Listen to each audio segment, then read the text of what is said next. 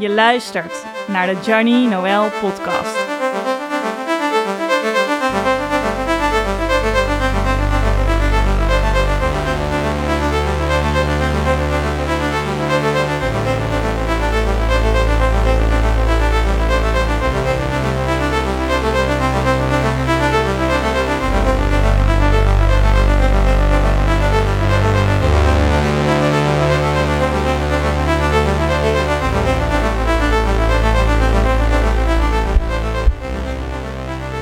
Welkom. Het is 29 november 2021 en je luistert naar de Johnny Noel podcast, live opgenomen in Amsterdam West. Ik ben Johnny Noel en schrijver van het boek Sluimerstand, dat vanaf morgen te koop is via onder andere mijn eigen website fictievannoel.nl.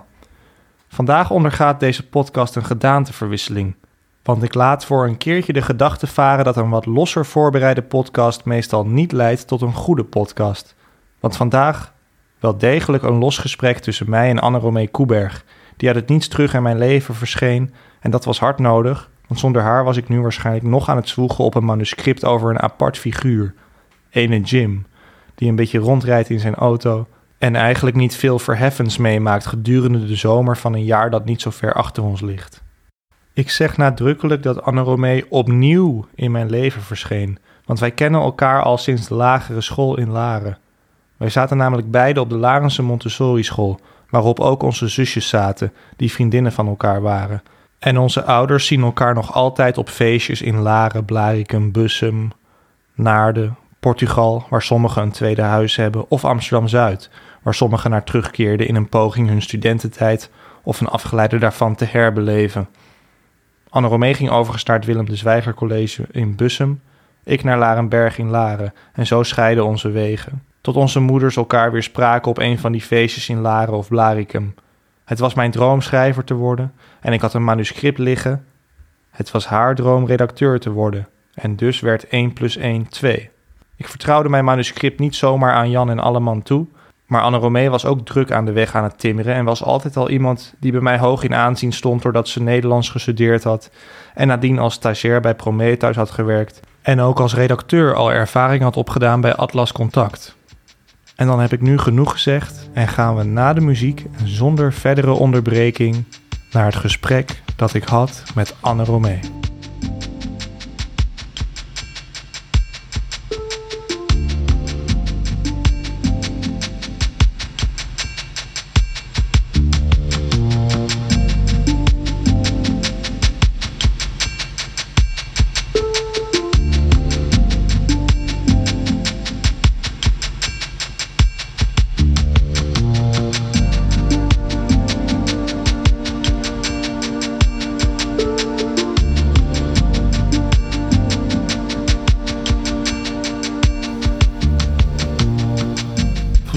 Gewoon beginnen. Nou, dat is uh, goed, want voor mij hier ligt een prachtig boek, Sluimerstand. Uh, het verschijnt morgen, dus ten eerste al een heel fijn primeurtje dat ik hem hier voor mijn neus heb liggen. En uh, met een prachtig omslag, vol sprekende kleuren en voor mij ook, want ik heb het natuurlijk al gelezen, herkenbare beelden.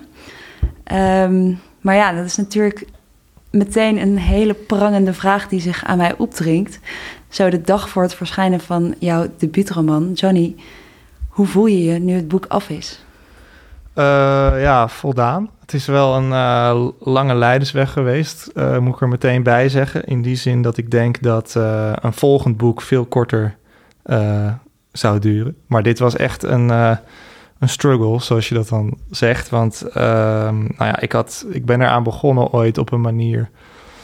Um, ja, ik ben begonnen op een moment in 2013 en daar was toen alle aanleiding toe, vond ik. En ineens uh, was het zo dat, dat ik eigenlijk helemaal alleen uh, tot het schrijven van dit boek kwam. Het was eigenlijk zo dat ik um, tegenwoordig, en dan moet ik er meteen bij zeggen, ik heb nu een hele leuke uh, vriendin, die trouwens volgens mij het allemaal niet zo heel veel kan interesseren. En die luistert ook niet naar die podcast, wat weer des te makkelijker is, want daardoor hoef ik niet zo heel veel rekening te houden met haar. Maar uh, dat wil ik wel even gezegd hebben. Maar er was in der tijd, in 2013, was er ook een, uh, een meisje in mijn leven die ik erg leuk vond.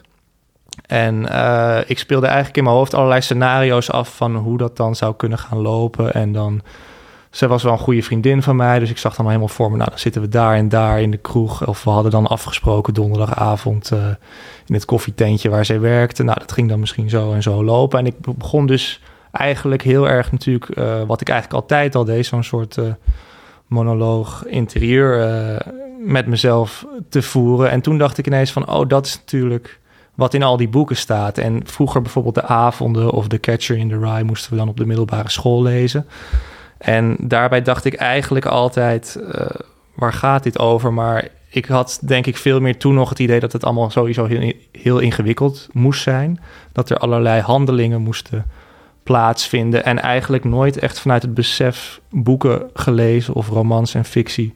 Dat dat eigenlijk gewoon heel erg... Uh, ja, dat het gewoon over gedachten en dergelijke kan gaan. En um, het was ook een beetje een lastige situatie, want zij had een uh, vriend en wij hadden wel een soort uh, klik, denk ik. En ik denk dat zij dat ook wel zal herkennen. Uh, maar ja, ik kon natuurlijk niet zoveel en ik was best wel, denk ik, een zachte jongen in haar bijzijn. Eigenlijk ja, een beetje wat nu in de boeken van Sally Rooney heel erg gaande is, waarbij je gewoon elkaar wel spreekt en ziet, maar... Dat de belangrijke dingen net niet gezegd worden of niet op het juiste moment. Ja, klopt. Dat je toch op de momenten dat er misschien iets mogelijk is te beschaamd ben om daar iets mee te doen. En uh, zo kwam het eigenlijk dat ik dacht. Nou, en wat er eigenlijk nog bij kwam was dat ik vond dat andere jongens van mijn leeftijd, uh, en ik was dus toen zo'n beetje rond de 20, 21 uh, ik vond eigenlijk dat andere jongens heel goedkoop eigenlijk meisjes aan het versieren waren op een manier die me totaal niet aanstond. Door gewoon eigenlijk heel makkelijk te zeggen: wat zijn je ogen mooi, wat zijn je. Wat zit jij lekker in je vel, bla bla bla. Gewoon een beetje dat foutige wat jongens van die leeftijd kunnen hebben. En ik had ook daardoor echt zo'n gevoel van nee, ik ga laten zien dat ik uh, echt, dat mijn liefde echt waarachtig is. En ik ga uh, hier werk van maken en ik ga een boek schrijven. En tegelijkertijd was ik me er dus van bewust dat ik een beetje in haar bijzijn een wat zachtere jongen misschien was. Want ik was natuurlijk heel erg... Ja, zij had die vriend, maar ik zat wel... We hadden wel een soort klik en ik wilde haar ook niet kwijtraken. Dus ik was daar natuurlijk heel voorzichtig in. Basically zat ik gewoon in de friendzone natuurlijk. En ik wilde dat dus ook een beetje doorbreken... door juist in dat boek niet te sentimenteel te doen. Ten eerste omdat ik al dacht... Uh, andere mensen moeten dit ook gaan lezen. En ik, ik wilde heel erg dat het een beetje een DIY, do-it-yourself, punkachtig uh, boek ging worden.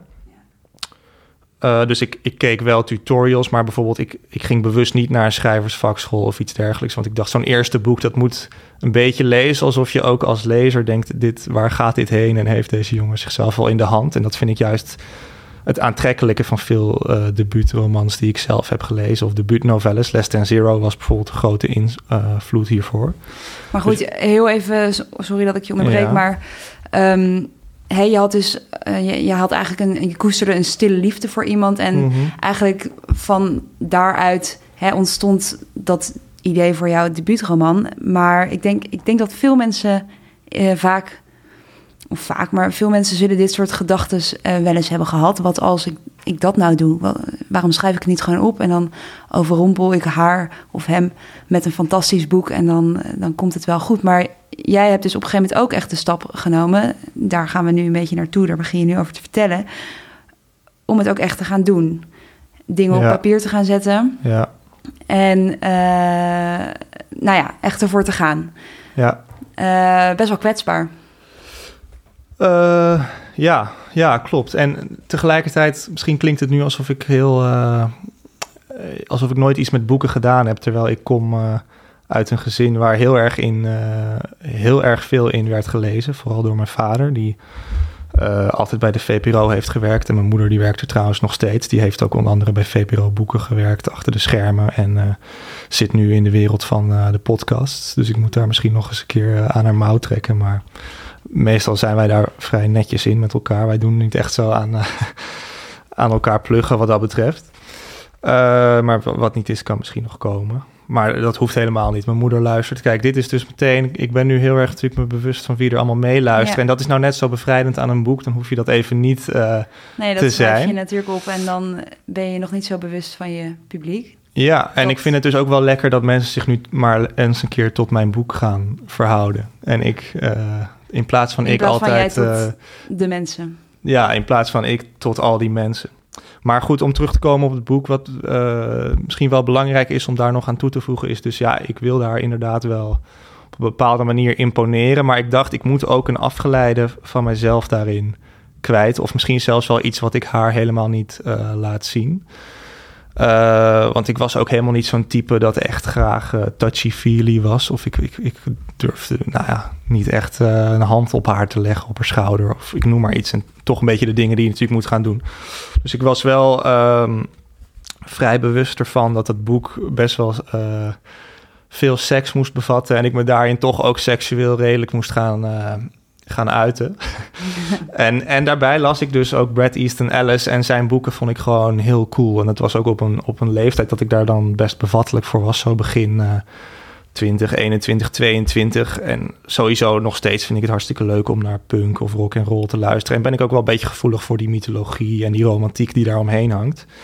En toen ik Less Than Zero uh, las van uh, Brad Easton Ellis, dus toen dacht ik, oh ja, zo kan het ook. En ik had heel erg zo'n uh, gevoel bij literatuur dat het altijd iets was wat een 19e eeuwse bezigheid was eigenlijk, waarbij iedereen een hele ja, je moest er eigenlijk uitzien als Shakespeare om wat uh, te kunnen betekenen daarin. Dat een beetje. Weet je, dat stoffige, eenzaam zwoegende schrijver uh, ja, bij een ja, kaars. Of een graaf, graaf Ja. uh, Lev Tolstoy, weet je wel. Bij, Ja. ja. bij, bij allerlei stollend, met allerlei stollend kaarsvet om zich heen. En heel erg...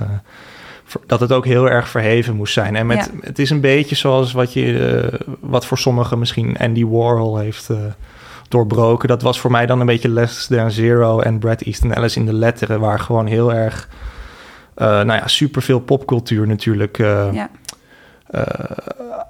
aan bod komt. En juist ook in deze tijd, dat was tegelijkertijd dus ook weer, dan kom je eigenlijk alweer op een volgend ding. Dat was ook iets heel belangrijks voor mij. Dat ik wilde ook jongeren, eh, dat vooral jongeren dit boek zouden gaan lezen.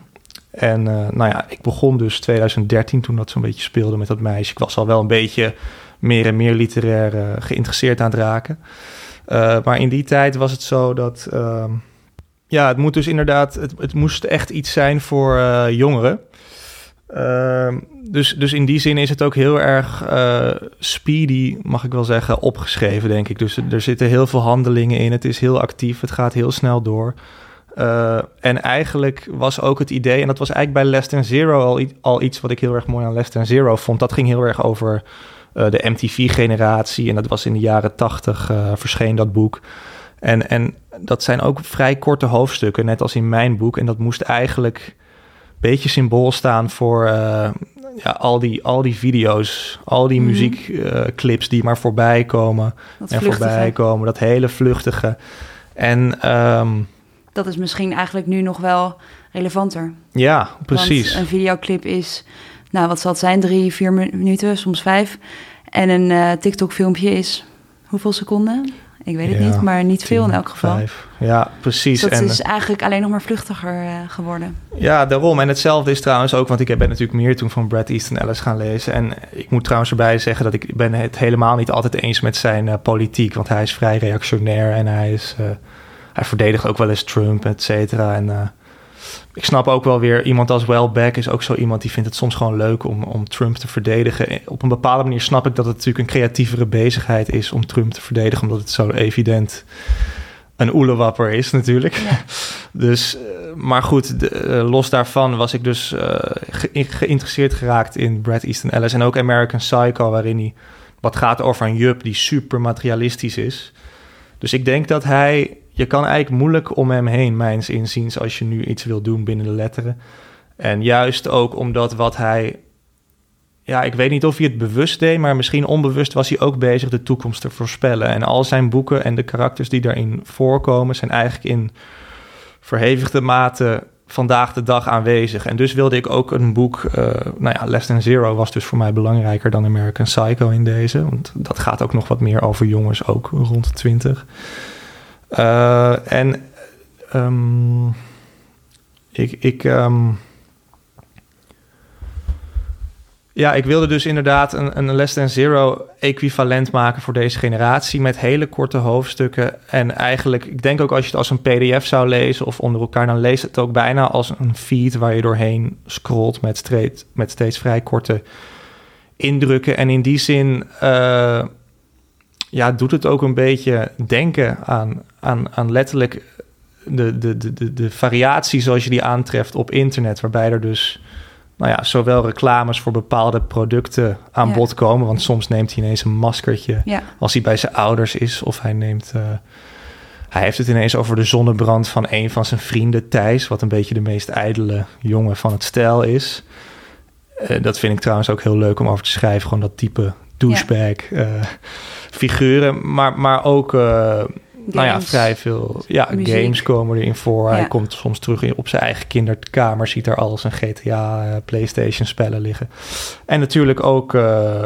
ja, porno en, en, en, en het pornografische, wat je eigenlijk ook nu, vind ik, ook mede door Instagram en OnlyFans en alles wat daar maar bij hoort, is natuurlijk nou, voor iedereen hartstikke eh, toegankelijk. En ik weet bijvoorbeeld Joost eh, Zwagerman, die ook erg sterk geïnspireerd was door Jay McInerney en Brad Easton Ellis en Tama Janowi- Jan- Janowicz. Wat een beetje de drie belangrijkste schrijvers van die Brad Pack eh, Mhm. stroming zijn. Die was met, rond Gimmick ook heel erg geïnspireerd geraakt door hen. Ja. En in zijn boek is het op een gegeven moment ook zo dat het hoofdpersonage een piepshow bezoekt. En hij zegt eigenlijk ook, ja, in de jaren tachtig moest je er echt naar op zoek gaan. En nu is het eigenlijk iets waar je je best voor moet doen om te ontwijken. om het te ontwijken en niet aan te treffen. Ehm, ja, dus dat, dat is een beetje hoe, hoe het zit. Hoe je de, eigenlijk een, een meer contemporaine versie van Less Than Zero en misschien wat Nederlandser.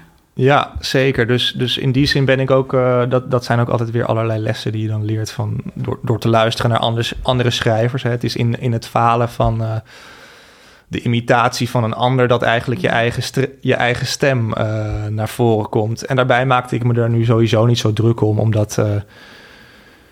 eh, ehm, ja, omdat ik dacht, het, het, zijn natuurlijk Engelse boeken... en ik moet dat in het Nederlands al een, een draai zien te Ja. geven. En, en, en onlos, ja, het is gewoon onvermijdelijk dat daar toch je eigen identiteit op een gegeven Tuurlijk. moment in doorvloeit. En daarbij waren er ook gewoon wel heus wel andere in- invloeden ook, zoals The Catcher in the Rye en Joan Didion, waarin ik het ook, waarover ik het ook al in de eh, podcast heb gehad. En eh, nou, Gerard Reven was een tijd voor mij heel belangrijk, omdat hij, hij is juist ook natuurlijk als stylist eh, boven alle lof verheven, zou je kunnen zeggen. En meer nog dan de, de twee andere van de grote drie, Harry Mulisch en W.F. Hermans, was voor mij Reven altijd... Die kon, die kon een verhaal vertellen over iemand die ergens alleen in België in zijn huisje zat. En dat, dat je gewoon hardop moest, moest lachen om passages. En überhaupt, als je met, met schrijven iemand keihard kan laten lachen. En wat ik echt heb gehad, echt tranen met tuiten. Ja, dat is wel iets heel moeilijks. Dat is heel knap als je En- dat lukt. Ja, en eh, ja, zo, zo zijn er meerdere invloeden natuurlijk geweest. En dus, dus een deel van mijn eigen leven, een deel wil je, voor een deel wil je iets zeggen van de maatschappij. En dan is er nog een invloed van een andere schrijver. Eigenlijk die drie dingen, autobiografisch, maatschappelijk en een literaire invloed. Dat zijn voor mij een beetje, denk ik, de, de drie ingrediënten. Ja, dat is denk ik ook eh, bijna onontkoombaar. Ik bedoel, er zullen ongetwijfeld auteurs zijn die zeggen dat ze dat allemaal helemaal niet meenemen. Maar geen enkel werk staat natuurlijk op zichzelf. Eh, je hebt altijd te maken met invloeden eh, van anderen en vanuit inderdaad je eigen leven. Ehm, En Dat- nu komt natuurlijk het eh, grote verkopen. het grote verkopen. Alhoewel, verkopen. Ik bedoel mijzelf verkopen, het boek verkopen. Ja. Ik, ik heb, maak niet de illusie dat ik hier heel veel geld aan ga verdienen. Het zou leuk zijn. nou ja, eh, dromen mag altijd, toch? Dromen mag altijd. Maar nou ja, daar is het ook in de eerste plaats niet om geschreven. Maar ik, ik, ik zeg het omdat ik... Dat is natuurlijk nu een fase die ik inga... die ik wel heel eh, spannend vind en ook heel leuk. Ik heb natuurlijk bedrijfskunde Mhm. eh, kort geleden afgerond. Eigenlijk denk ik ook nog steeds dat ik dat toch een beetje heb gedaan... om, om een of andere reden iets af te lossen aan wat dan die norm is... Van die, die in het gooi heel erg heerst. Dat, dat voel ik toch altijd heel sterk. Zelfs terwijl mijn ouders eigenlijk nooit... eh, mij daar lastig mee hebben gevallen. Maar puur al het feit dat al je vrienden bij PwC werken, bij de ABN, bij, bij waar dan ook. Eh, dus, dus dat is echt wel het laatste geweest eh, als een soort, ja, als een soort schuld Wat je aflossen. nog even moest afvinken voor je Ja. gevoel. En waar wilde ik nou eigenlijk heen met dit verhaal? Eh, Verkopen. verkopen. Ja, dat, dat komt dan nu. Dat is natuurlijk dan weer het ironische of het grappige dat dat nu uiteindelijk heel erg van pas komt. Want ik ben nu mijn eigen bedrijfje hierin aan het runnen. En wat natuurlijk ook leuk is, en, of, of leuk, maar of wat interessant is, interessant. Eh, ja, hoe ga je jezelf presenteren? Dat is natuurlijk wel heel leuk. En hoe ga je zo'n literaire avond eh, bijvoorbeeld aan? Ik kan me goed voorstellen dat ik binnenkort ergens in een boekhandel eh, ben waar mensen mij komen bekijken of beluisteren. En eh, ik, ik heb daar ook wel, wel, wel filmpjes van anderen over gezien of podcasts met, an- met andere schrijvers over gehoord. Ik weet bijvoorbeeld dat Herman Koch eh, nooit wat voorleest, want die vindt dat iets dodelijks. En ook daar is natuurlijk zo'n sfeertje heerst ook dan eh, dat, je, dat je ergens. Zo'n sfeer alsof er elk moment een strenge archivaris je, je een klap komt geven. Nou ja, het is natuurlijk op, op zo'n moment, eh, hè, als je je daadwerkelijk presenteert aan je publiek, wat, wat je eigenlijk eerder zei, is heel fijn. eh, de mensen kunnen zich nu even tot mij verhouden in plaats van andersom. Ja. Maar op het moment dat ze recht voor je neus zitten, dan draait het ineens toch weer een beetje om. Eh, en moet jij je ook weer tot de mensen verhouden. Dus ik kan me voorstellen dat dat ook een bepaalde spanning met zich meebrengt. Ja. Of, ehm, Ja, en tegelijkertijd ook weer niet. Want wat je daar weer hebt, is dat het natuurlijk vaak niet wordt opgenomen of niet eh, gefilmd wordt. Soms ook wel, maar vaak ook niet. En in die zin is het misschien ook wel weer veel losser. Maar wat, wat bijvoorbeeld Herman Koch deed, wat ik wel grappig vond, was dat hij vertelde dat eh, hij dus nooit voorlas. Dat was dodelijk, dat ten eerste. Maar ook zei hij altijd een beetje als ijsbreker: eh, stel maar een. je, je mag me alle vragen stellen, ook impertinente vragen. Ja. En dan de eerste lompe vraag die voorbij kwam, dat was dan eigenlijk... eh, dan zei hij altijd, nu eruit. En dat brak dan meteen een soort ijs. En, ja. zo, zo, en, en zo is het ook dat bijvoorbeeld Brad Easton Ellis met Imperial Bedrooms... zijn eh, inmiddels, nou, één na laatste boek. Hij heeft er weer een nieuwe op stapel, dus als we die niet meetellen... zijn één na laatste. Daarmee was hij ook aan toeren in 2010 en eigenlijk vond hij op dat moment het boek helemaal niet goed en wilde hij het er ook niet over hebben. En hij vond het ook iets heel vervelends dat iedereen het had over dit nieuwe boek wat nu uit is. Ja. Ehm, en, en daar heb ik ook wel meerdere schrijvers over gehoord. En dat is wel een gevoel wat ik zelf ook een beetje heb. Dat net het moment. Je hebt, je hebt, kei, kei, je hebt, je hebt super lang zitten zwoegen op zo'n Mhm. boek. En je hebt het over en over herlezen. En het moment dat je zelf eigenlijk wel heel graag het wil afronden. En eigenlijk is het ook afgerond. Er ligt letterlijk een afgerond product voor ons eh, neus. ja. En je wil verder en je wil door met zo'n volgend boek. Dat is het moment dat je het Dat je aan de wereld moet verkopen. Ja. En, dat je, en ook dat iedereen er nog eens iets van gaat vinden. Ja. Terwijl je zelf misschien wel echt het punt van verzadiging... en ja, nu geloof ik het wel met dat boek... eh, behoorlijk eh, be- Nou ja, bereikt hebt. dat maakt het misschien ook wel makkelijker. Want dan op het moment dat jij eh, het af hebt en tevreden bent, dan hoef je ook niet echt meer iets aan te trekken van wat mensen er iets van vinden. Nee, dat is ook zo. En dat is ook denk ik e- ook weer een van die redenen... waarom eh, het zo lang geduurd, geduurd heeft. Want wij, ik heb het jou inderdaad al nou, drie, vier jaar geleden ongeveer Ja. gestuurd. En eigenlijk lag het toen ook al best lang op stapel. En eigenlijk is het in zijn uiteindelijke versie niet eens zo heel erg gaan verschillen van hoe het er toen al uitzag. En ehm, Nee, want het is misschien wel leuk om even een beetje eh, terug te gaan naar het, het maakproces, zal ik maar zeggen. ja, Eh, we hebben het er natuurlijk over gehad, eh, hè, waar, waar kwam het eerste idee vandaan? Hoe is het, zal ik maar zeggen, geboren? Nou, je zegt net, ik heb er best wel lang aan geschreven. Eh 2013, zei je net, begon je idee. Ik heb de eerste versie van jouw manuscript ontvangen op eh 10 februari 2019. Dus daar zit al best wel een eh, tijd tussen. ja. Eh, toen overigens heb ik natuurlijk niet non-stop Nee, dat- dat- Ik had altijd studie, ik. had dingetjes. Maar goed, daar, de- hè, van idee tot, tot manuscript zat al best wel tijd. Toen heb ik het gelezen. Eh, hoe, hoe vond jij dat? Ik was volgens mij niet de eerste die het las. Nee, ik had het al wel aan een aantal eh, vrienden laten lezen. Niet alle, maar sommige. Daar heb ik ook wel weer heel bewust over nagedacht van... ja, wie, wie kan ik dit wel toevertrouwen en wie niet. Dus, Mhm. eh, maar dat was wel iets wat belangrijk was. En bijvoorbeeld ook mijn vader heeft het op een gegeven moment gelezen. Ja. Eh, mijn moeder dan weer niet. Dat vond ik dan wel weer, weer lastiger als die dat zou lezen. Dat had ik, had ik moeilijk gevonden. Ehm, ja, Maar toen kreeg je in één keer van mij, eh, nadat ik het had gelezen...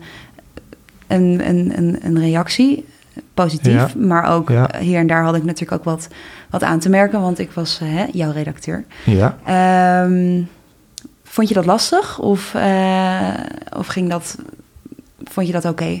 Nee, ik denk dat ik vooral heel opgelucht was. Dat er gewoon iemand was die mij een beetje sturing gaf. En, en ja, inderdaad, eh, mensen hadden het om mij heen gelezen. Maar dat waren Mhm. of geen mensen die thuis zijn in de literatuur. En daar misschien dan ook weinig zinvols over te zeggen hadden. Anders dan dat het gewoon een lachenboek was. Of gaafman. Of...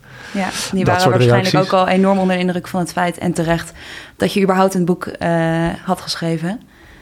Ja, dat, dat kan En ik dat niet voor hen invullen. Maar inderdaad, voor- ja, misschien wel. En ja, ik heb die, die vrienden die lazen dan in die tijd bijvoorbeeld de eerste 30 bladzijden. Zoiets. Maar maar toen ging je er echt even serieus mee aan de haal en ging, ja, hebben we er ook aan gewerkt. ja, Eh, ik vond het destijds heel erg leuk dat, ehm, hoewel ik dus, hè, ik had hier en daar ook wel suggesties en vaak ging je daar ook in mee, maar het was ook wel, je was ook heel duidelijk, vond ik, en dat vind ik mooi, overtuigd van eh, het verhaal wat je had liggen. Dus je hebt ook af en toe gezegd van, nee, sorry, dit blijft er gewoon in. En dat is ook terecht, want eh, er ligt een prachtig boek. Oh, dat Ehm. verbaast me wel, want zo herinner ik me het totaal niet. Ik dacht dat ik wel redelijk... eh, Nee, je was ook zeker niet vervelend of, of niet meegaand. Maar er waren, er waren een paar momenten dat je gewoon op bent gekomen voor je eigen verhaal. En ik denk dat dat heel positief is. Weet je nog welke? Ehm, nou, ik heb geloof ik op een gegeven moment wel gezegd... eh, Oh, ja, ik van, weet het. oh, het kan Paar dingen die een wel heel- minder, bepaalde, bepaalde scènes of iets dergelijks. ja, Eh, of een, een- ik, weet dat er wel een paar dingen vond jij wat onwaarschijnlijk ook. Ja, En eh, daarvan is trouwens één ding... is nog, Aangepast? eh, ja, Nou, denken de, alle luisteraars denken, wat dan? wat zou Maar- het zijn? Nee, maar eh, ja, de, de, de- de- inderdaad, de, de... Ja, nee, dan gaan we het ook spoilen, dus dat moeten we Nee, niet niet zeggen. veel, niet veel spoiler. Nee, maar er zitten een paar dingen in. En dat, was, dat is misschien wel goed dat we het erover hebben. Want dat was ook wel het idee. Ja. Dat eh, ik, ik, ik wilde ook een beetje dat het een beetje een goth-achtig eh, Je boek wil, werd. het, je wil het echt die extreme intrekken Ja. op bepaalde punten. Ja, en ook Less Than Zero gaat over LA. En dat, dat is een stad die leent zich heel erg goed natuurlijk voor noir en voor, Ja. voor echt gewelddadige scènes. En, en dat is natuurlijk een stad die doordrenkt is van geweld. En Amsterdam is natuurlijk toch wat meer een kneuterig dorpje in die zin. En dat is ook letterlijk een van de dingen die hij dan Ja. eh, zegt. Hè, dat hij eigenlijk heel blij is als bijvoorbeeld een toerist wordt aangereden. Wat natuurlijk een beetje morbide is, maar dat is een beetje de type... Een beetje emo-achtig figuur wat hij nou eenmaal is. Ja, dat hij zich dan onderdeel voelt van een metropool en niet van een kneuter. Ja, van dit is wel een... eh, Hier gebeurt wat. ja, dit is een edgy stad, om Ja. dat vervelende woord maar weer eens te gebruiken. Ja, En, en, en dat zit er dus ook wel heel erg in. En dat soort elementen probeerde ik ook wel mee te spelen. Van wat is er nou mogelijk gevaarlijk in Amsterdam? Mhm. Nou ja, je had een tijdje die witte heroïne... eh, die hier rond eh woekerde blijkbaar... en die wel eens in iemands drankje werd gedaan eh, en dergelijke. Dus dat waren wel dingen die, die schreef ik dan bijvoorbeeld op. Want Ja. dat vond ik dan iets, iets spannends hebben. En dat had iets... En, en, en dat is wel iets wat we, wat we kunnen weggeven. Dat ik had op een gegeven moment... vond ik het wel leuk om gewoon om de haverklap... allerlei mensen... eh, zonder reden gewoon dood neer te laten vallen. Omdat er blijkbaar gewoon...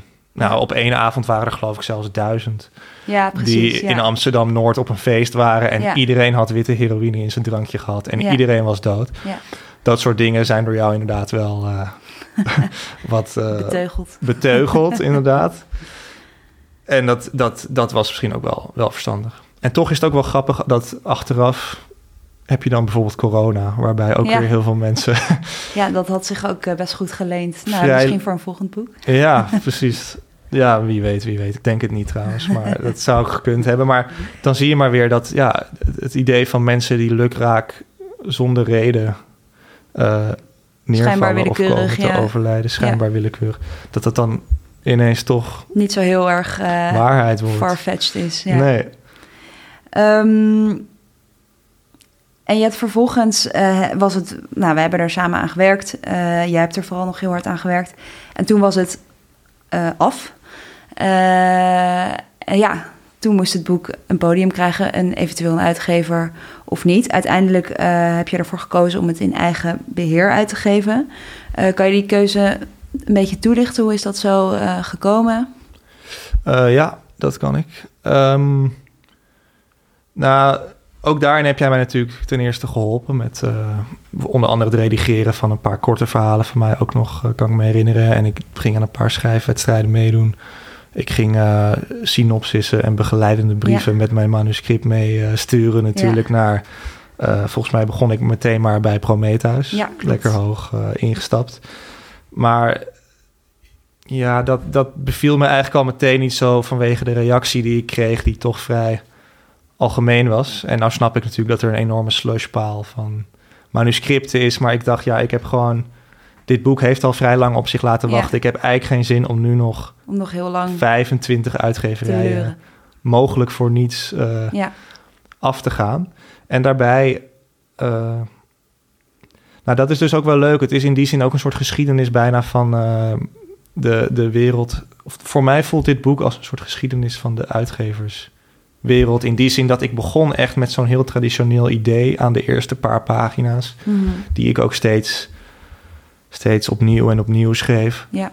Van dit, dit boek moet, moet echt legendarisch worden en dit wordt door iedereen straks gelezen en opgepikt als een heel belangrijk, schokkend, uh, hemelbestormend boek. Uh, nummer één van de kanon van de Nederlandse Ja, literatuur ja. op iedere leeslijst. Ja, en ook dat was reden ook om het juist een beetje her en der wat, wat spicy te maken. Mede omdat ik dus die jongeren Ja. van hun mobiel wilde krijgen. Ik, denk ook nu soms van het is misschien, nu had ik het misschien wat minder greasy gemaakt dan het uiteindelijk geworden is. Maar dat greasy maakt het ook wel lekker. Zoals ook af en toe een hamburger lekker is of zo. zo voelt het voor mij een beetje. Uh, dus, maar ik begon wel echt met zo'n idee. Nee, dit moet echt voor iedereen toegankelijk zijn. Ja. En dat veranderde eigenlijk heel erg naarmate het uh, schrijven vorderde. Omdat ook de, de uitgeverswereld heel erg veranderde. En ik ook merkte dat bijvoorbeeld hele vooraanstaande schrijvers.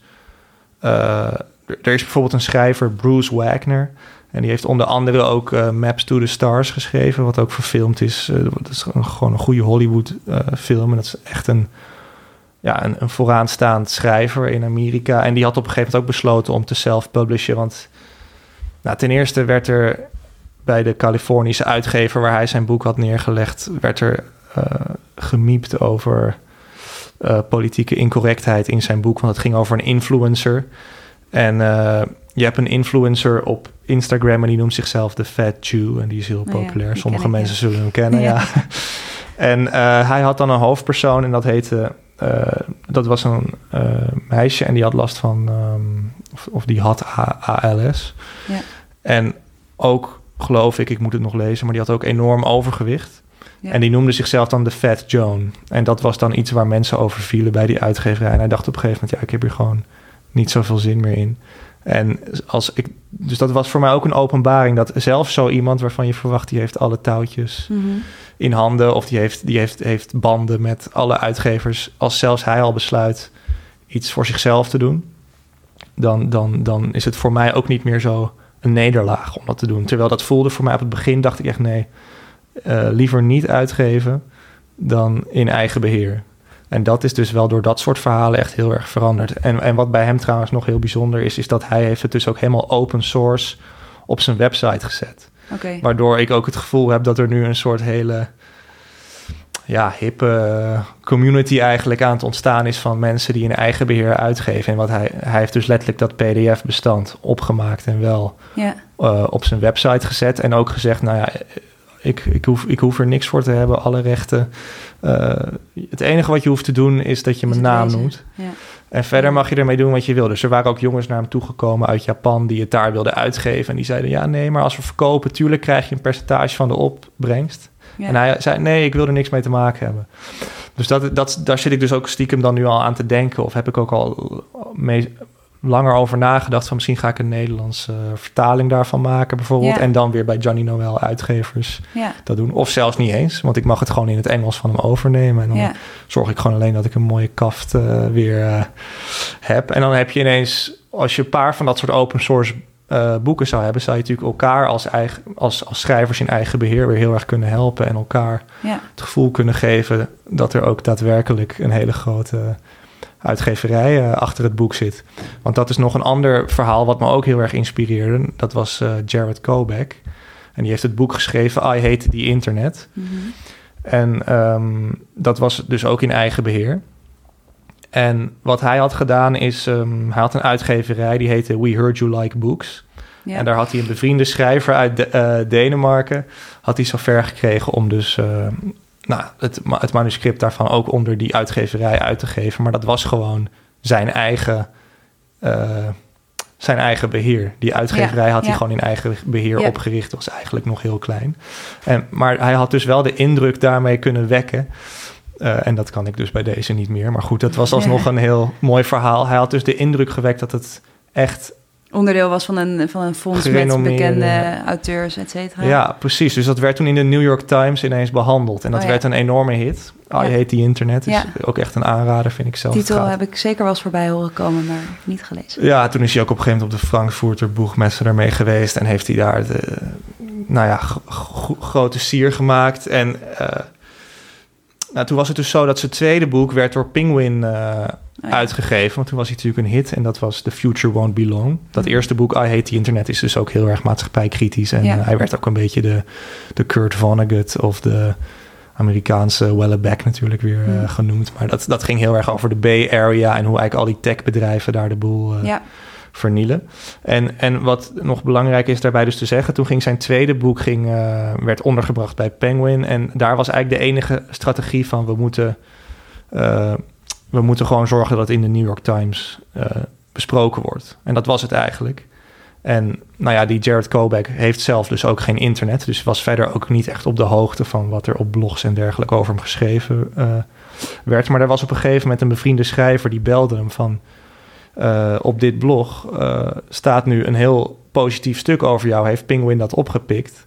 En dat was dus helemaal niet zo. Dus dat was voor hem een enorme desillusie. Dat boek heeft ook helemaal niks gedaan, terwijl ik het ook gelezen heb en Ja. het ook erg goed vond. En nu heeft hij dus weer dus hij, eh, dat heeft eigenlijk zijn overtuiging dat je het beter zelf kan doen, Ja. gestaafd. Maar goed, ik zit niet in die wereld en jij wel, dus jij zal daar ongetwijfeld ook meer en, en zinniger dingen over kunnen vertellen. Maar dat vond ik dus wel iets moois bij, aan zijn verhaal. Ja, Dat, kijk, dit is natuurlijk ook voor mij is dit nu het enige boek en het belangrijkste boek. Ja. En ik blijf gewoon net zo lang dit boek eh, pluggen als nodig is. En natuurlijk, ik, ik vind, het leukst vind ik het schrijven. Dus, eh, dus daar ga ik natuurlijk mee, mee door. En dat blijft gewoon mijn hoofdactiviteit naast de podcast. En naast Ja. mijn gewone werk als eh, tennisleraar natuurlijk. Maar dat is voor mij wel iets dat ik denk, ja, ik ben natuurlijk super begaan met het lot van ja jij boek. bent bereid om daar eh, hè, offers tot- ook voor te desnoods maken. tot in het eind der tijd mee door te gaan. Waar Ja. een, een reguliere uitgever op een gegeven moment zegt van... nou ja, oké, het heeft iets gedaan, hoeft niet. En dan ligt er alweer een nieuwe stapel eh, boeken die wordt, die wordt ge- uitgegeven. Eh, en het staat jij, stelt jij natuurlijk ook in staat om ehm, je onafhankelijkheid... en totaal in control te zijn over de inhoud en hoe het eruit Ja. ziet. En alles. Dus dat is, nou ja, ik kan me voorstellen dat dat ook een prettig idee is. Ja, zeker. Het, eh, ja, hartstikke mooi. Ja, ja, ja, zeker. En, en ehm, ja, nou, ja, nu heb ik het natuurlijk weer. Is misschien nog leuk om te zeggen. Ik heb het natuurlijk nu weer opnieuw moeten lezen. Ja, En ik weet niet hoe het voor jou was om het opnieuw te lezen, maar eh, het viel mij eigenlijk mee. Want ik heb het al een paar keer gelezen. Ik dacht eigenlijk van dit wordt, dit wordt gewoon te erg. En eh, ik, ik kan dit niet meer lezen. En ja, het idee was dus ooit heel erg vanuit ook een beetje puberaal was ik gewoon toen ik 21, 22 was. En ik wilde een beetje popster zijn. Ik vond alles saai, rock and roll. Weet je, dat, dat gevoel ja, vanuit dat gevoel was het heel erg geschreven. En ik was ook wel bang dat er erg veel seks in zou zitten. En dat zit het ook. er zit ook veel seks in. Maar ehm, wat ik bijvoorbeeld wel mooi vond, was dat eigenlijk precies het moment dat bij mij als lezer de verzadiging een beetje begon op te treden van ja, nu, nu, nu geloof ik het wel. Dat is eigenlijk ook precies het moment in het verhaal dat de relatie ook een beetje moeizaam ja. begint te worden, omdat het vrouwelijke karakter er een beetje gek van word. Ik weet niet of het Ja, goed is ik- dat ik, dit vertel. ik- want, jawel, eh, ik- volgens mij kan dat best. Ik begrijp eh, zeker wat je bedoelt. En ik denk ook zeker dat je dat kan zeggen. Eh, ik, moest, ik vond het zelf ook heel leuk om het weer opnieuw te lezen na enige tijd. Ik dacht dat ik het nog volledig op mijn netvlies had. Maar ik dacht toch weer even... Oh ja, zo was het. Ja, Ehm, en ik merkte heel erg zelf dat ik het ehm, ja, misschien wat, wat, wat eh, zachter of eh, ja, toch meer. Ik, het was in mijn hoofd meer toegetrokken naar andere dingen, denk ik, die ik recent had gelezen. En eh, toen ik het nu weer las, dacht ik, oh ja, het was inderdaad echt best wel donker en, en hard of zo. Niet, dat dacht je destijds. Nee, dat dacht ik nu ook Oh, nu. weer. Van, oh Ja. ja. Ja, Ehm, maar wat ik nu ook weer zag, eh, en, en wat ik toen ook al zag, is dat het, ondanks dat het inderdaad eh, best hard en kil en, en donker is, en leeg. leeg. maar er, af en toe zijpelt er wel iets van licht en lichtheid, vind ik ook doorheen. Eh, er Ja. is één, één personage wat daar heel goed voor zorgt, het kleine zusje. Eh. Die vind ik echt een soort zonnestraaltje wat af en toe door dat boek heen komt. Ja. En, en, af, en de taal vind ik eh, heel mooi. Dat heb ik destijds ook al tegen je gezegd. Ik vind dat je af en toe hele mooie beschrijvingen erin hebt zitten. En eh, dat je, ja, je, je wordt echt als lezer door dat verhaal heen getrokken. Ehm, en ik vind het ook, dat, dat viel me vandaag weer op van... Goh, die Jim, dat is het hoofdpersonage Mhm.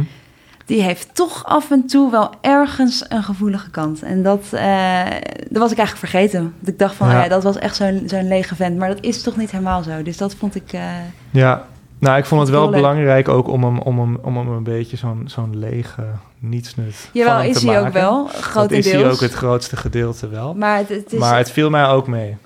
Maar, maar, maar dat is misschien ook wel ook een belangrijke reden dat ik het boek schreef, is dat ik, je hoort heel vaak over boeken van, nou dat zou nu niet meer kunnen. En ik wilde eigenlijk zo'n boek ja. schrijven.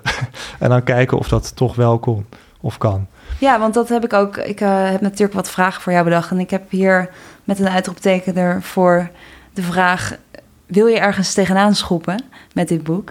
Eh, en ik krijg soms ook wel het idee dat je toch wel ook een paar eh, heilige huisjes even omver wil trappen. Is dat zo of zie ik dat verkeerd? Ehm, nou, wat voor mij dus heel belangrijk was, en dat is ook wel iets waar ik voor sta, is dat literatuur niet eh, hoeft te bestaan uit eh likable Mhm. characters. Ja. En, en ik kan me ook daadwerkelijk niet voorstellen dat als iemand naar mij toe komt en vertelt: Die Jim, wat een walgelijke gast is dat. Hoe Ja. heb je dat kunnen schrijven? Niks aan die jongen deugt. Hij is alleen maar naar met zichzelf bezig, narcistisch. Hij zit alleen maar aan de drugs. Hij zit alleen maar aan, eh, aan, aan vrouwen te denken, wat dan ook. Dat zijn echt dingen die, die ja, ik, ik denk niet dat je het me daarmee kan raken. En, en ik vind dat wel belangrijk dat mensen zich dat ook beseffen. Dus ik, ik zou het veel vervelender vinden als iemand zegt: het boek eh, is slecht geschreven of, of het deugt niet eh, qua opbouw of Ja. eh, gewoon puur die esthetische dingen weer. Ja. En ja, dat, dat vond ik sowieso al iets wat voor mij heel belangrijk was. Dus in, ja, dat, in die zin, dat was dan al een heilig huisje van. Mhm. En daarbij ook, dat vind ik gewoon wel leuk aan een beetje een reactionair boek. Want ik zie mezelf niet per se als super reactionair of wat dan ook. Maar ik vind bijvoorbeeld zo'n boek als Adriaan van Dis eh, onlangs heeft geschreven, Cliffy. Ja. Ik heb het overigens niet gelezen, dus ik kan er eigenlijk niks over zeggen. Maar nou ja, wat ik ervan begrepen heb, is dat natuurlijk een thriller waarbij eigenlijk het klimaat en eh, hoe, het, hoe slecht het daarmee gaat. Dat is een beetje de inzet en, eh, van het boek. Hè? Dat, dat, dat we goed op, dit, op het klimaat zorgen. Dat Ja. zijn allemaal dingen die ik heel belangrijk vind. Maar dat vind ik dan toch een boek dat... Ja, de gemiddelde lezer is denk ik al geneigd het daarmee eens te zijn. En ik vind het ook leuk om die lezer een, een klap in het gezicht te geven. Of bijvoorbeeld ook die seksscènes die iets te lang doorgaan, misschien her en der.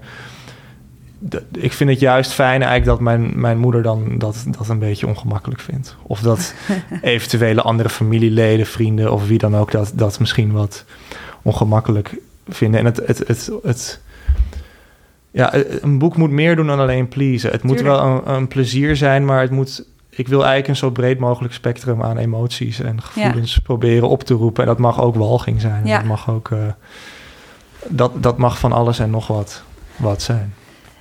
Ja, om daar nog even op door te gaan. Ik, heb, ik zag, las vandaag een passage in het boek. Um, en daarin zegt een van de personages, um, Philip, als ik me niet vergis, ja. Die is dan naar een boekpresentatie geweest en die zegt dan: uh, Sinds wanneer moeten films en boeken zichzelf uitleggen? Je moet dat toch aan de lezer laten. Iedereen lijkt te denken dat een boek iets moet zeggen over de maatschappij of iets moet bijdragen aan de samenleving. Waar komt dat toch vandaan? Waarom mag een boek niet gewoon romantisch of nihilistisch meer zijn? Waarom is dat ineens zo ouderwets?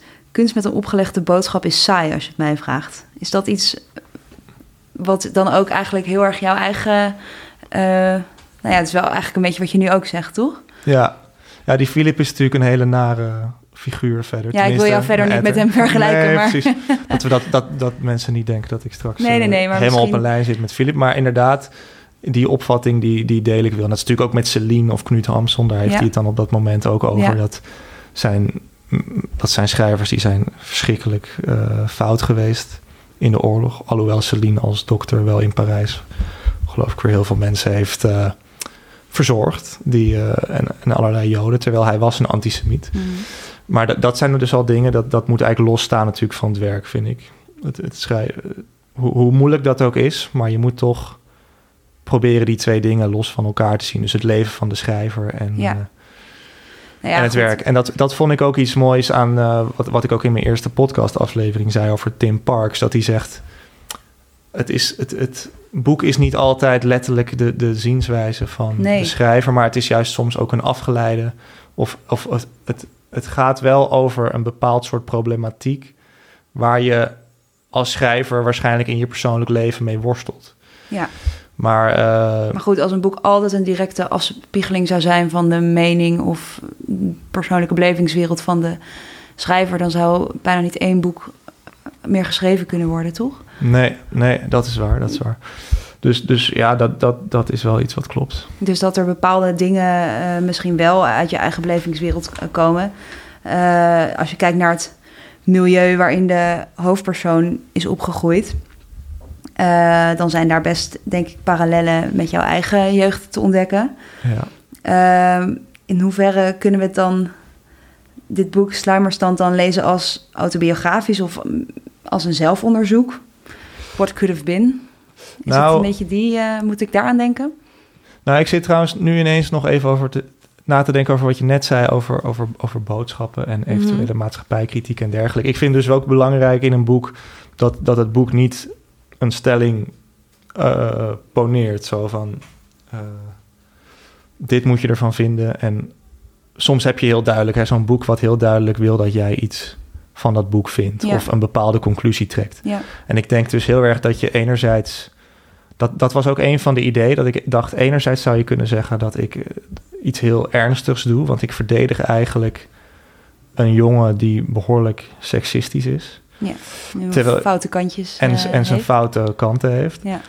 En anderzijds kan je ook zeggen dat, dat ik laat zien hoe uh, de maatschappij van deze jongen, die best wel gevoelig is, ja. hoe die van hem eigenlijk een, een verdorven persoon uh, Hoe die omstandigheden van hem ook maken wie die is. En ja. dat... ja, precies. precies. En, en, um, en, en dat ook nog het zo is dat um, nou ja, die jongens, die zijn dus echt vrouwonvriendelijk. Ja. Um, maar tegelijkertijd alle vrouwelijke karakters. Ja, zijn... Die, dat zijn eigenlijk, viel mij heel erg op, uh, de meest uh, nou, sterk, positief, uh, nou positief misschien niet, maar assertief. Assertief. Uh, die, die dames weten allemaal heel goed wat ze willen. Ja. Uh, en staan daar ook voor. En staan eigenlijk voor veel uh, nou ja, minder controversiële dingen, zou ik maar zeggen, dan veel van de jongens. Uh, ja, en zijn wat slimmer en ja. gevoeliger. En, en dat zusje, dat is natuurlijk altijd een mooi trucje. Dat je dan zo'n zo'n jongen ja. die best vervelend is, die is dan ineens naar zijn zusje weer heel lief, ja. waardoor die weer een wat ronder karakter wordt. Andere karakters zijn vrij Mhm. vlak. Maar dat hoort ook een beetje, dat is ook heel erg Less Than Zero. En dat is ook heel erg een novelle natuurlijk, waarin je niet... eh, ik heb dan laatst Thomas Mann de Buddenbrooks gelezen. Dat is echt vuistdik en dat gaat... Dat was wel echt geweldig, maar en daar wil ik me natuurlijk totaal niet mee vergelijken. Maar dat is, dat is echt een roman met hoofdletter R. En ik Ja. blijf dit toch vaak, als het kan en als het ook een beetje mooi in een zin past, dan blijf ik wel het woord novelle, Novelle. gebruiken. Want dat is voor mij wel wat het is. Oké. Ehm, ik wil nog heel even een beetje naar die, die vraag die ik je eigenlijk net stelde. Die, niet, eh, Oh ja, eh, die we nog niet oh die auto, dat. Ja. toch wat een beetje autobiografisch. ja, en dan wil ik namelijk nog heel even, heel even kijken hoor. Ehm, ik wil nog heel even terugkomen op eh, mijn eerdere vraag, namelijk eh, toch het vergelijkbare milieu waarin jij be- eigenlijk bent opgegroeid en ik trouwens ook. Ja. als de hoofdpersonages. En of we, dan, of we dan kunnen spreken van autobiografische elementen in deze novelle. Ja, dat is wel zo'n vraag die eigenlijk inderdaad nog even behandeld moet worden. Ehm, ja, dat, dat- ook dat is dus wel misschien meteen dan weer iets wat ik echt belangrijk vond.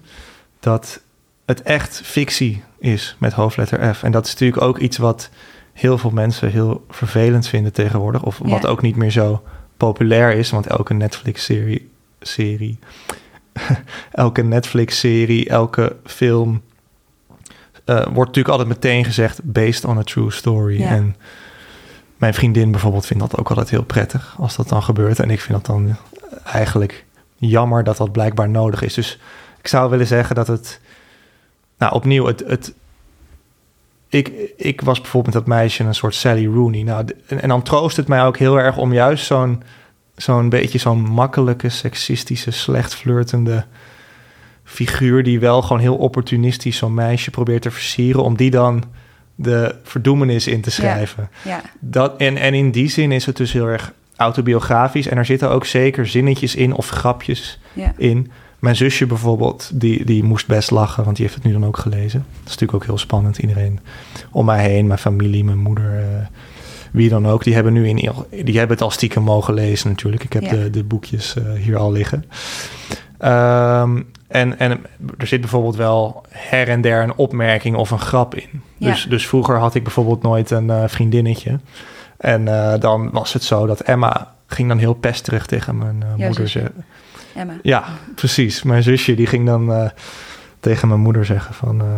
ja, maar misschien is Johnny wel, wel homo. En, ja, en mijn moeder die vond dat dan toch, toch lastig. En nou is mijn moeder heel ruimdenkend. Maar moet dan ook meteen weer gezegd worden. Maar dat is dan toch een soort reflex van Ja. iemand uit een andere generatie natuurlijk. Ja, En dat, dat tekent, of dat, dat geeft natuurlijk ook weer heel goed weer hoe het gooien is. En dan is mijn moeder en mijn vader waren dan nog eh, mensen die bij de VPRO werkten. Maar Ja. dat is bijvoorbeeld wel zo'n opmerking of een grapje dat ik dan geleend heb uit het echte leven. En dan toeken aan dat zusjeskarakter. ja. En tegelijkertijd is dat zusje in het boek is ook weer het leeftijdsverschil is groter. Is veel groter, ja. Bijvoorbeeld, mijn zusje is twee jaar jonger dan ik. Dat zusje in het boek is eh, uit mijn hoofd zeven, Ja, zoiets, zeven of negen. jaar, negen zelfs. Ja. Ja. negen jaar jonger. Dus, dus dat zijn allemaal dingen. Ook bijvoorbeeld het feit dat ik, ik ben behoorlijk bang eh, voor slangen.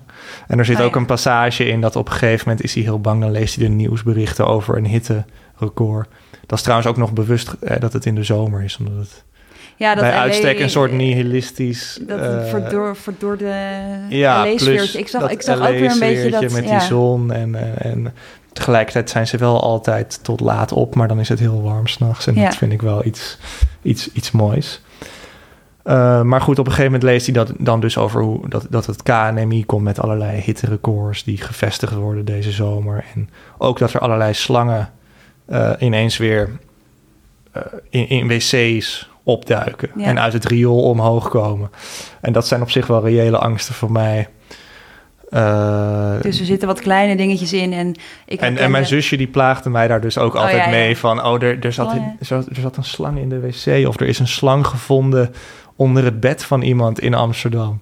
Dat, en, en dat zijn dan wel leuke dingen die ik gewoon geleend heb. Ja, en het decor sowieso. Ik herkende zelf heel veel eh, dingen, straatnamen, de school waar wij op gezeten hebben, eh, hè, die, Ja. die wordt echt gebruikt in het boek. Eh, dus dat was voor mij ook super herkenbaar. Maar dus eigenlijk als ik het zo hoor, dan hoewel die elementen, hè, het decor klopt, is alles wat erin afspeelt fictie met hier en daar een Ja. geleend grapje Ja, uit je eigen leven. En, en hoewel ik het dus best spannend vond dat mijn moeder het boek ging lezen, kan ik me dus ook niet voorstellen dat ze bijvoorbeeld boos is om hoe die moeder is neergezet. Want die is zo evident Ja. totaal anders Ja, en verschilt maar 20 jaar met het kind. En eh, ook de vader is heel anders dan Ja. mijn vader. gelukkig. Gelukkig, gelukkig maar. Ik denk dat je daar blij mee kan zijn. Ja, daar ben ik heel eh, blij mee. Ja. Eh, nou, dus dat scheelt dan denk ik ook wel weer. Je zegt net, hè, ik heb het eh, aan de rest van aan wat familieleden al gegeven om te lezen. Ik kan me voorstellen, dat is super spannend. Eh, je hebt van je zusje dus al reactie gehad, maar Ja. eh, nou ja, goed. Het, misschien het feit dus dat het allemaal Heb jij nog is. tips trouwens voor mensen hoe zij mij goed kritiek kunnen geven? Of een Hoe leuke reactie kunnen geven? Ik heb bijvoorbeeld ooit, toen ik bij VAI stage liep in de tijd dat ik nog journalistiek studeerde, Ja.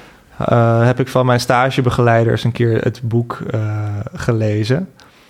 En toen had ik, eh, dat was een heel leuk boek, vijf strippen. Dat was een Wiegertje Posma was dat Mm. die mijn stagebegeleider was. En dat boek heette Vijf Strippen. Dat was een hele leuke streekroman. En daarover had ik allerlei... Nou, dat had ik heel erg goed gelezen, want ik wilde graag dat ik haar natuurlijk een beetje slim...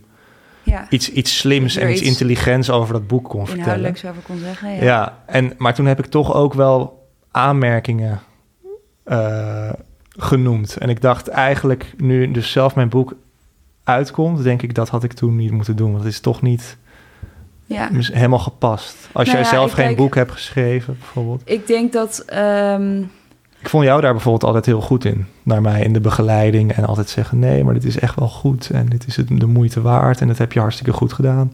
Ja, ik denk dat je ehm, als, als je iets zegt over iemands boek, dat je altijd eh, in gedachten moet houden dat iemand daar ontzettend veel werk in heeft zitten. En dat Ja, die persoon alles waarschijnlijk met een reden heeft gedaan. Dus dat het, je altijd wel kunt vragen van, eh, goh, waarom is dit zo? ja, Eh, en je kunt het natuurlijk ook zeggen eh, als je het iets minder goed vindt.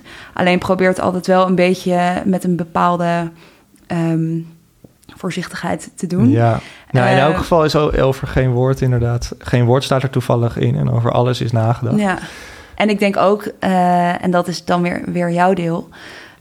kijk, mensen gaan per ongeluk, denk ik, toch dingen zeggen die misschien niet helemaal goed eruit komen zoals ze dat zelf bedacht hadden. Of Ja. hè, dat kan altijd onhandig gebeuren.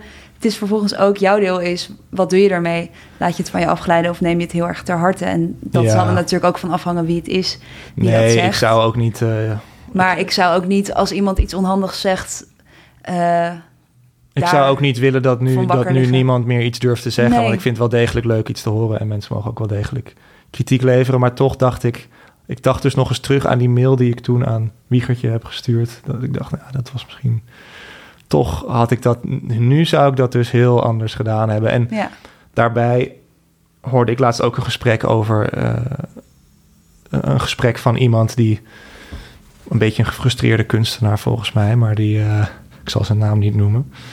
Maar die eh, had het ook over... Ja, dan heb je mensen die zeggen... Ja, het ritme is niet goed, dit en dat. En ja, ze hebben natuurlijk allemaal volstrekt gelijk.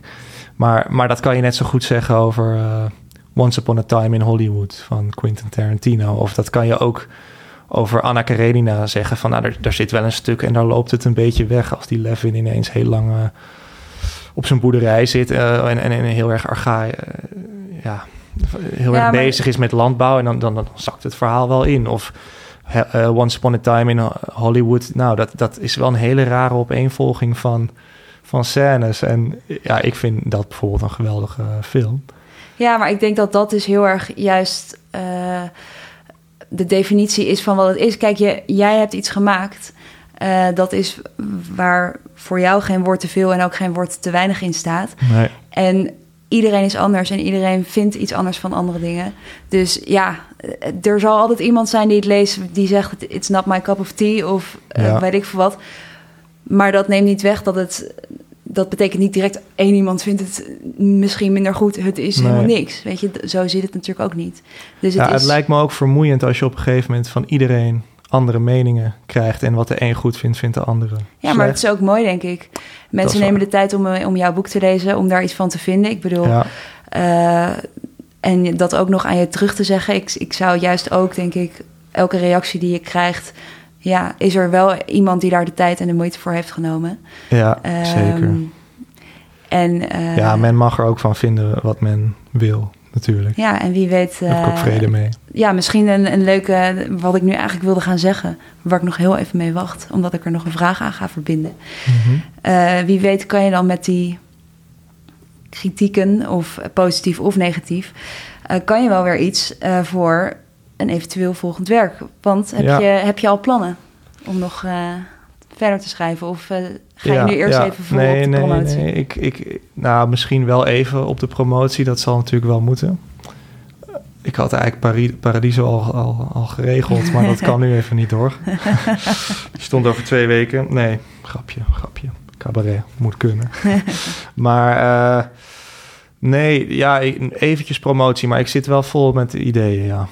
Maar ik weet niet of je daar nog eh, dan meer over wilt weten. Nou, ik weet niet of je daar al Nou, meer over is- wil loslaten. Ja, nou, wat ik, ik wil sowieso zou ik graag een, eh, een, een, een tennisroman Ja. willen schrijven, omdat dat natuurlijk ook heel erg in die eh, een beetje high society kringen, toch, Ja. toch het type volk wat je tennisles geeft, daar kan je romans over schrijven en over collega tennisleraren trouwens ook. Ja. En, en, en daar maak, heb ik gewoon heel veel hele leuke dingen al in meegemaakt in die wereld. En, en, en ik hou dus ook heel erg van details. En eigenlijk het leven ligt voor mij een beetje besloten in, in details of one-liners van mensen. Mhm. En die kom je natuurlijk op een hele leuke manier heel vaak tegen. Dus je Op bent eh, tennisbaan. al druk aan het noteren. Ja, en, en daarbij is een ander idee waar ik heel erg mee speel... is dus om nu wel juist zo'n Sally Rooney-achtig boek te gaan schrijven... wat wat gevoeliger is en waarin je juist heel... ja, wat, wat, wat gelaagder is. Dit is echt wat meer pulpy, wat meer sensatie, wat meer snelheid. Dit is, ja, denk ik ook iets commerciëler misschien in die zin. En, en, en, en mijn nieuwe boek, of wat dan het nieuwe boek zou moeten worden. En dat komt dan eigenlijk weer terug naar Tim Parks, hè, dat, waar ik eerst vrij verlegen was. En, en, en, en een beetje geremd was bijvoorbeeld in mijn eh, relatie tot Rosie, heb ik dan nu best wel een beetje een, eh, eh, een boek geschreven over een jongen met inderdaad zijn foute kanten. Mhm. en, en, de andere jongens hebben ook allemaal foute kanten. Ja. En dat je dan als nu vervolgens dan de reactie daarop zou worden van... nou, het is wel een beetje...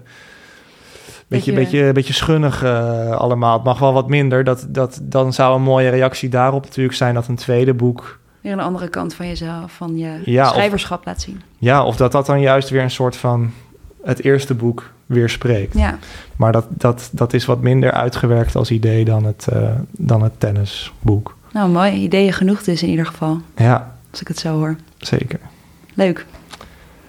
Nou, Dan eh, ga ik jou denk ik heel veel plezier en succes wensen met de verschijning van jouw boek Sluimerstand morgen, 30 november 2021. dankjewel. En eh, ik hoop dat heel veel mensen het gaan kopen en lezen natuurlijk. Ik kan het iedereen van harte aanbevelen.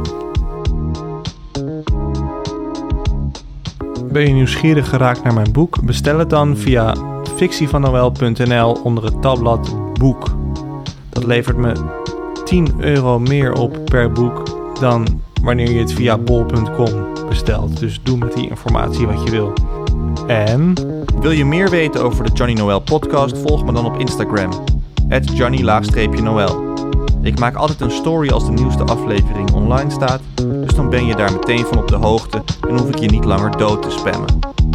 Ook ben ik ermee geholpen als je me volgt op Spotify. In de Apple Podcasts app kan je dan weer beter 5 sterren achterlaten of een leuke recensie schrijven. Mensen die mij verder niet kennen lopen mij dan namelijk makkelijker tegen het lijf in hun podcast apps. Heel erg bedankt weer en tot snel, Johnny.